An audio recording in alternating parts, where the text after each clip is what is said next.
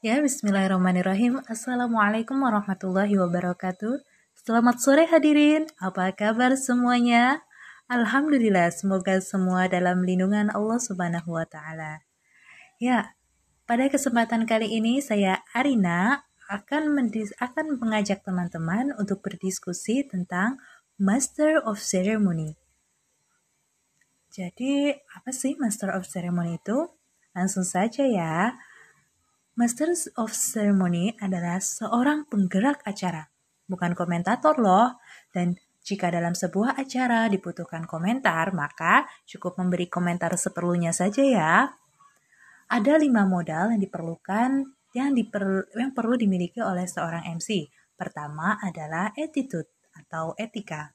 Sebelum memulai sebuah acara, seorang MC perlu bersikap ramah, ya perlu mengenal oleh para audiens, oleh panitia-panitia khususnya.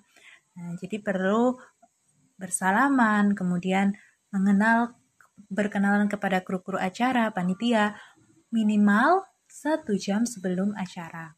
Bahkan lebih baik dua atau tiga jam sebelumnya.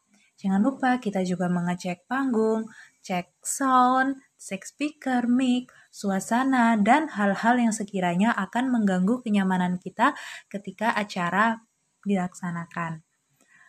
Dan sebelum acara berikutnya, dipastikan pengisi acara yang akan mengisi acara tersebut hadir. Jadi kita memerlukan uh, sebuah kepekaan juga.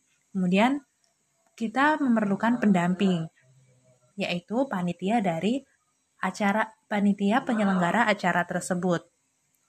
Dan saat penyebutan kata penyebutan yang terhormat cukup satu orang dan yang kami hormati maksimal dua orang kemudian baru para hadirin. Yang kedua adalah perform yaitu penampilan dan kostum.